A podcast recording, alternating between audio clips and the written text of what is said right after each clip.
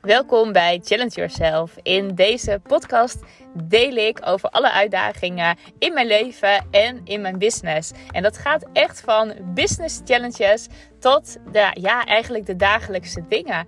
En dat ga ik documenteren. Dus elke dag leer je mijn lessen en um, kan je eruit halen wat uh, voor jou belangrijk is. Veel plezier!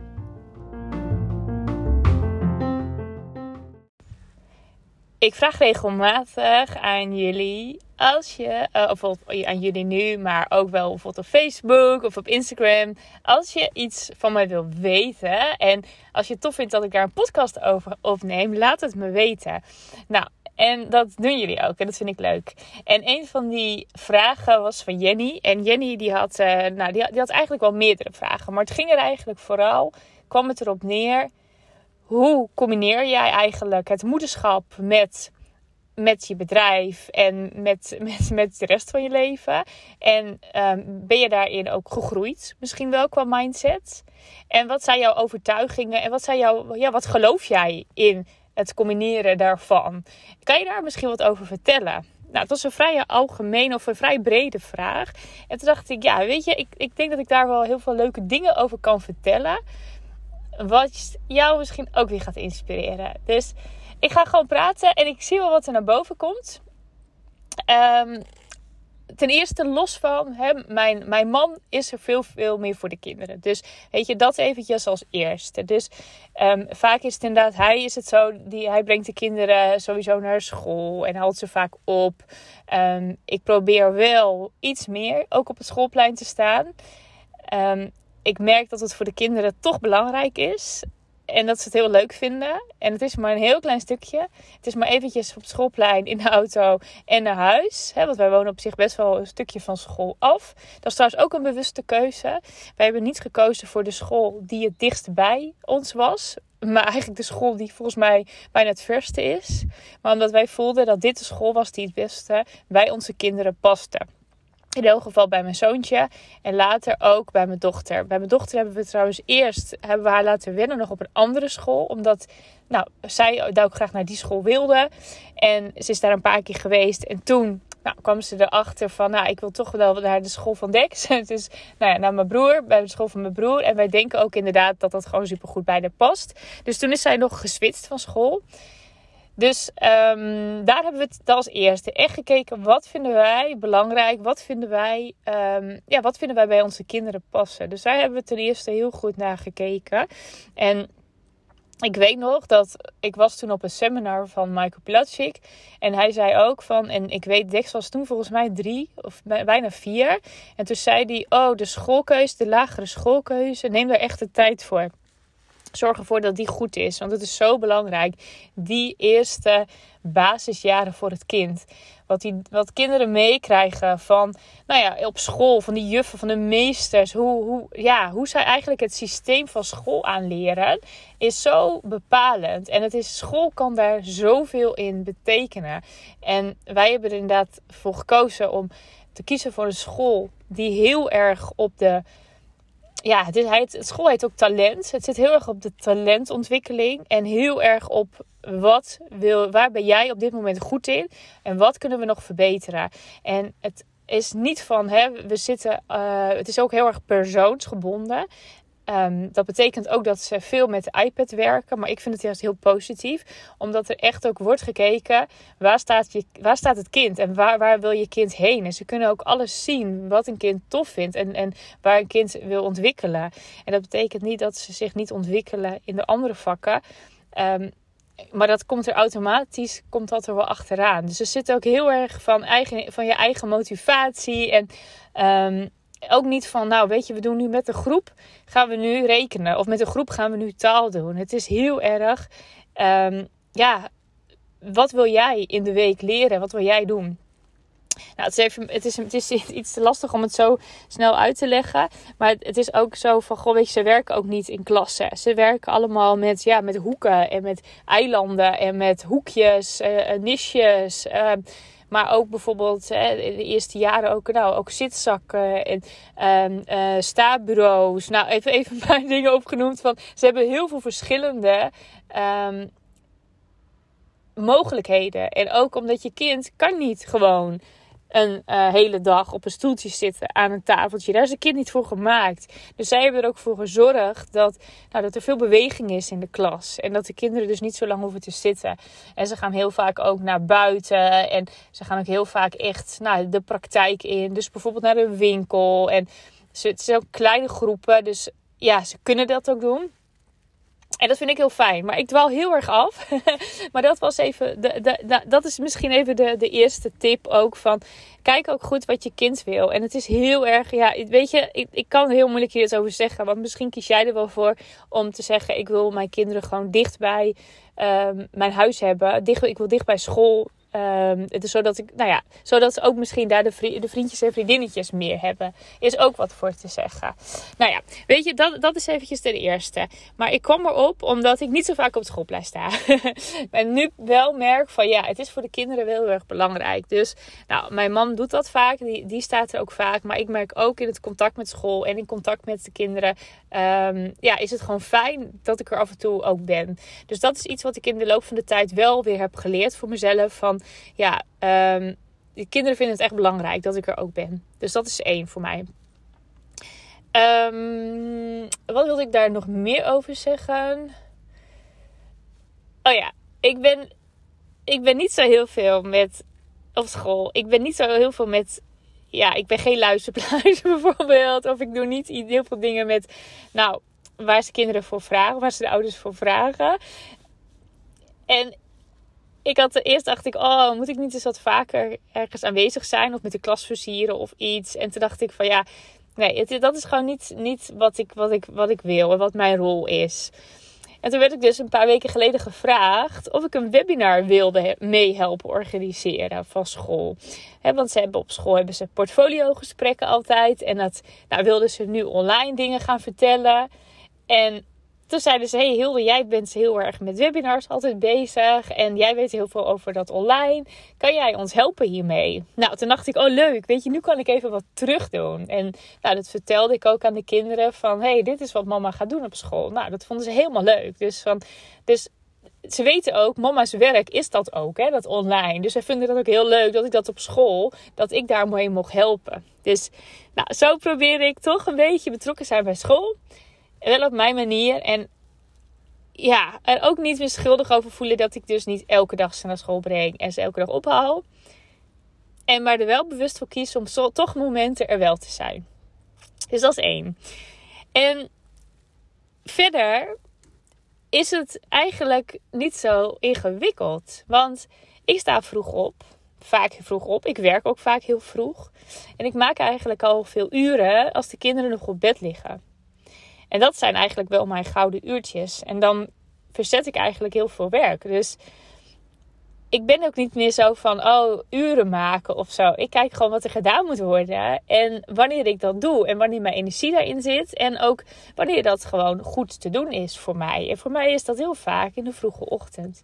En ik heb een eigen kantoor. En wat ik vaak doe, ik rij nou, soms wel om, wel om half zes of om zes uur rij ik al naar mijn kantoor. Ga ik daar een paar uurtjes werken. En dan rijd ik weer terug om het acht uur. En dan ontbijt ik met de kinderen. En dan doe ik even het haar van mijn dochter mooi. En dan ben ik er gewoon nog eventjes voor. En dan gaan ze naar school en dan ga ik weer verder werken. Dus op die manier is het gewoon heel mooi te combineren. En ik werk ook wel vaak in de avond. Dat is niet helemaal mijn beste tijd, maar ik doe het wel. Dus ik heb ook wel vaak van, of ik rijd nog even terug naar kantoor. Ik heb ook nog wel eens coachgesprekken s'avonds. Ja, en dat is soms als de kinderen op bed liggen al, en soms ook niet. Maar ja, dan ben ik er gewoon, eh, dan ben ik er alleen met avondeten. En dan ga ik daarna het avondeten ook weer weg. En ik vind dat niet erg. Ik vind dat fijn. En ik, de kinderen vinden dat ook helemaal niet erg. En ik probeer ze ook wel steeds meer te betrekken bij alles. Dus ook bijvoorbeeld, vanochtend heb ik gesport samen met Daan en de kinderen uiteindelijk. En wat wilden wij doen? Wij wilden graag, Daan wilde sowieso meer sporten, bewegen. En toen zei hij van ja, ik ga misschien wel een app doen of zo. En dat ik dan elke dag uh, oefeningen krijg. En toen zei ik van, nou, tijdens de hele week had ik ook hele toffe sportsessies, elke ochtend. En zij, die mensen die dat, die dat deden tijdens de hele week, die hebben een morning movement. Dus elke ochtend zij live en kan je met ze sporten. Zullen we dat eens proberen? Nou, Daan vond het hartstikke leuk om te doen. En vanochtend, ik had me aangemeld voor een proefweek. En vanochtend ging de wekker om kwart voor zes. En daarna liep ik naar beneden voor die sportles. En toen werden de kinderen ook wakker. Die zeiden, oh, mogen wij meedoen?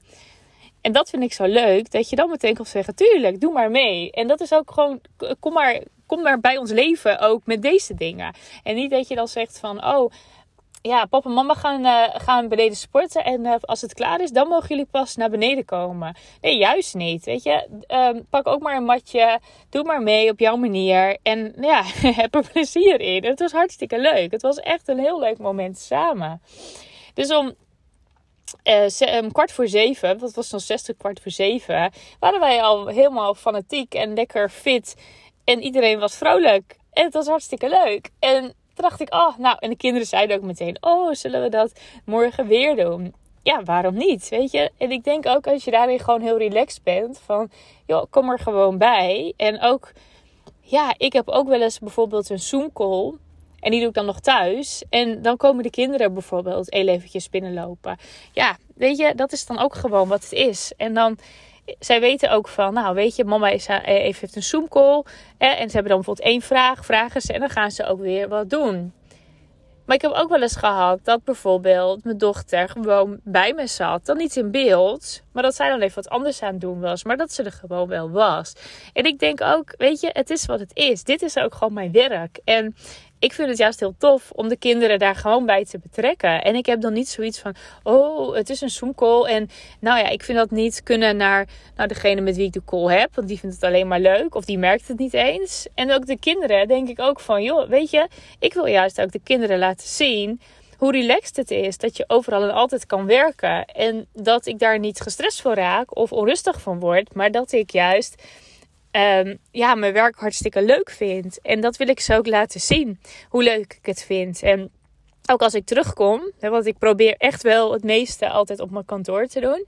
En als ik terugkom, ik ben nooit zagrijnig. Ik ben altijd vrolijk en vol energie, omdat mijn werk mij energie geeft. En dat is ook wat ja, de kinderen die, die gaan geloven uiteindelijk wat ze zien van jou.